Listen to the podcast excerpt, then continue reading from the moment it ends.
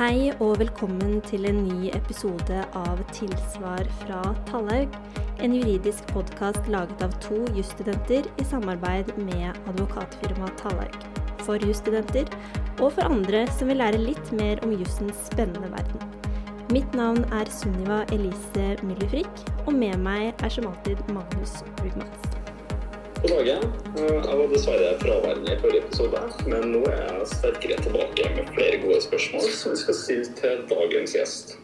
Eh, ja, for i dag tar vi en tur innom familierettens område, og vi skal snakke om samboerforhold. Eh, dette er en ganske vanlig samlivsform i dag, og det skaper en del spørsmål knyttet til både det økonomiske forholdet og arv som avviker fra hvordan spørsmålene løses når vi snakker om ektefeller. Men eh, hvem, Magnus, er det vi har med oss i dag som skal lose oss gjennom dette? I dag har vi fått besøk av advokatfullmektig Ingrid Svarstad Nørstebø. Velkommen. Jo, takk for det. Takk for at jeg kan være med. Det er veldig hyggelig. Men før vi går i gang, kan ikke du fortelle oss litt mer om deg selv og din bakgrunn? Eh, jeg jobber eh, i advokatfirmaet Tallaug eh, som advokatfullmektig, og det har jeg gjort i ca. to år nå. Her jobber jeg med de fleste saksområder, både innenfor fast eiendom og, og forretningsjus, og også privatrett. Og før så har jeg jobbet flere år hos Statsforvalteren. Der jobbet jeg hovedsakelig med barnevern og familierett. Så spennende. Eh, vi gleder oss til å dele kunnskapen din med våre lyttere. Jeg tenker at vi kan starte litt i det vide og snakke om begrepet samboere. For det som kan være litt utfordrende, er jo at man har jo ikke kun én legal definisjon av begrepet. Kan du ikke si litt mer om det, Ingrid? Jo, og som du sier, så er det ikke kun én legal definisjon av begrepet. Helt generelt så kan man definere samboere som to personer som lever i et ekteskapslignende forhold. Og at forholdet må være ekteskapslignende, det innebærer at de som ønsker å være samboere, de må oppfylle de samme vilkårene som gjelder for de som vil inngå ekteskap etter eh, paragraf 3 i ekteskapsloven. Og videre så tilsier også begrepet ekteskapslignende at det er en viss terskel som må være oppfylt før vi kan betegne to personer som samboere. F.eks. så vil ikke et kjærestepar som bor på hver sin studenthybel, men som er en del hos hverandre, eller to kompiser som bor i samme leilighet, kunne anses som samboere. For å avgjøre om et forhold er ekteskapslignende eller ikke, så må man foreta en helhetsvurdering eh, bestående av flere momenter. Og som jeg var inne på nå nettopp, så er felles faktisk eh, bosted et av disse momentene. Og et annet moment er felles eh, husholdning, og om partene har en økonomi som til en viss grad strekker seg utover denne. Eh, og et siste moment man må ta hensyn til, og som man gjerne ser i flere av legaldefinisjonene av begrepet, er at samlivet må ha hatt en viss varighet. Og dette innebærer at ikke du kan flytte inn med kjæresten din i morgen, eh, og så anses dere som samboere fra da. Men når du definerer samboerforhold som ekteskapslignende, det betyr vel ikke at reglene i ekteskapsloven kan anvendes på samboere?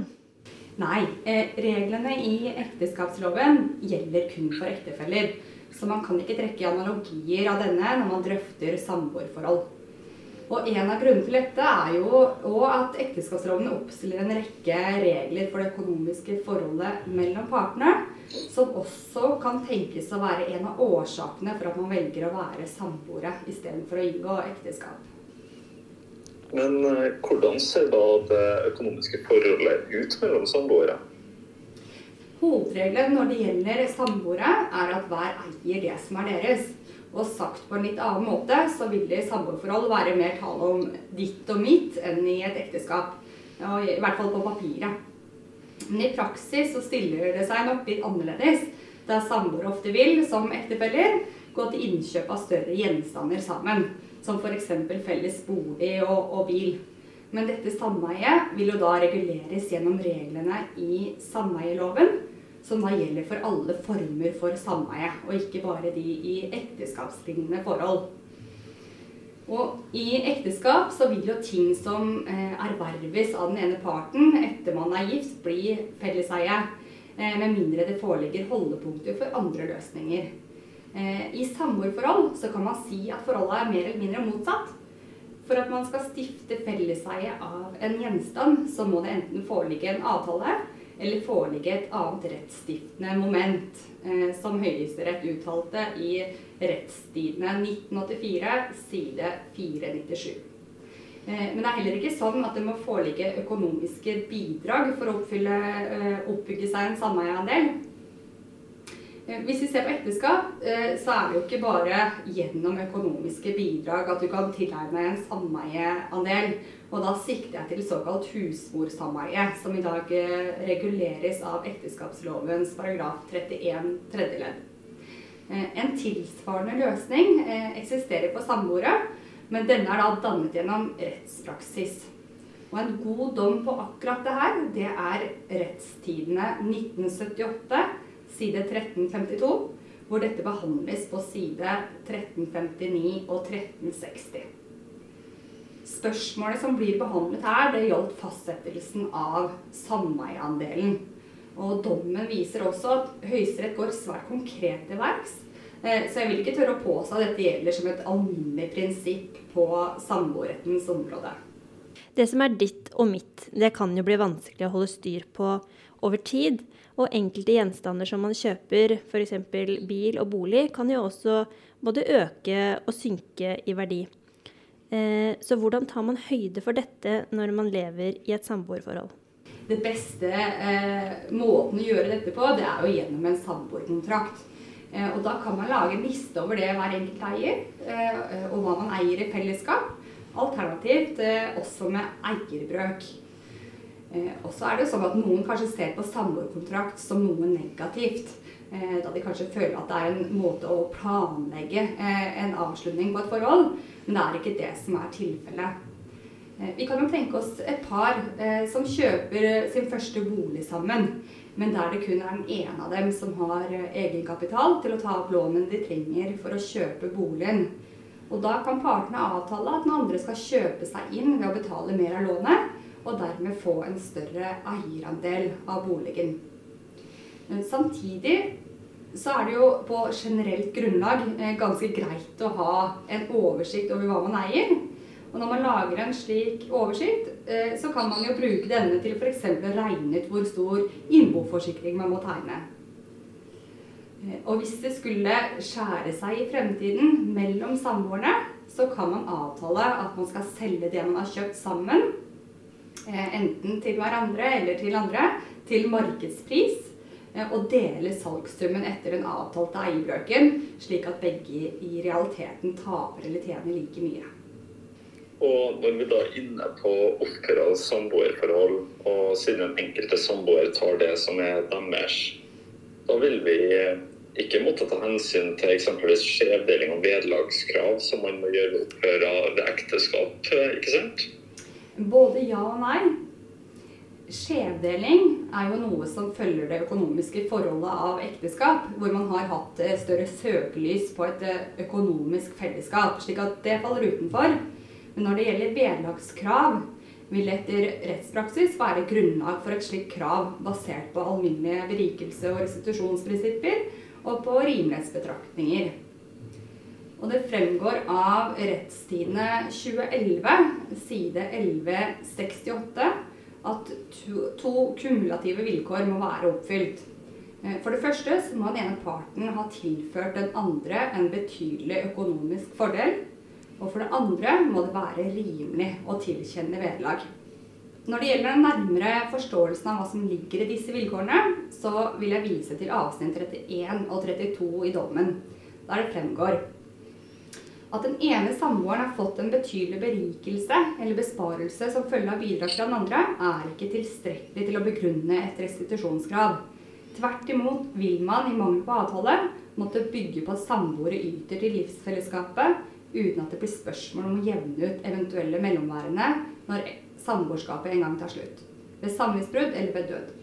Ikke bare selve livsfellesskapet tilsier at det gjennomgående ikke foretas et etteroppgjør, det byr vanligvis på nokså store praktiske og bevismessige vansker å rekonstruere partenes innsats gjennom samlivet, økonomisk og på annen måte. En vidtrekkende adgang til å kreve vedlag ville dessuten virke konflikt- og prosesskapende. I tillegg til grunnvilkåret om at den ene samboeren må ha tilført en betydelig økonomisk fordel til den andre, så gjelder det en begrensning at vederlaget bare kan tilkjennes dersom, og så langt også rimelighetshensyn samlet sett krever at det skjer en korreksjon i form av et vederlag. Og her vil jo det totale bildet av partenes økonomiske anliggende under samlivet være utgangspunktet. Og en rekke forhold vil være av betydning ved rimelighetsvurderingen bl.a. partenes eh, forutsetninger, bidragets art og omfang, samlivets varighet og partenes økonomiske stilling. Og Det er presisert i Høyesterett at det kun unntaksvis skal tilkjennes vederlag. Så terskelen er dermed høy for at utgangspunktet om at hver samboer tar, eh, tar sitt, skal fravikes. Men siden et samboerforhold økonomisk skiller seg i så stor grad fra et ekteskap, hvordan blir det da med arv? Eh, reglene for en samboers arverett det reguleres av arvelovens kapittel 4 og oppstiller to alternative vilkår for at eh, en samboer skal kunne arve. Eh, for det første så følger av paragraf 12 at en samboer har rett på arv dersom man har, har hatt eller venter barn med samboeren sin.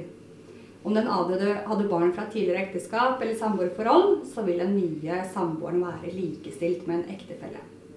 Og denne retten den kan likevel begrenses av testament, men da forutsatt at samboeren har fått kunnskap om det, eller det var urimelig og vans eh, vanskelig å varsle om testamentet.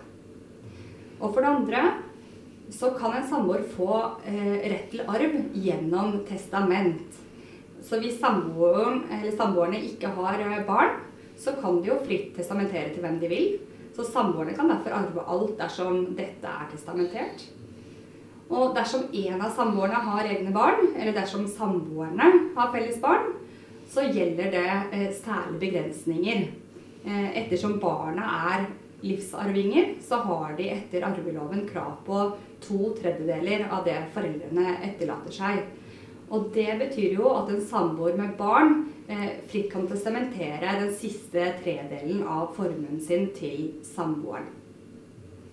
Men så har vi en, en særregel i arvelovens eh, paragraf 13 som innebærer at samboere som har vært eh, samboere i minst eh, de siste fem årene før dødsfallet, kan arve eh, den andre samboeren opptil fire ganger folketrygdens grunnbeløp dersom dette er bestemt i testament.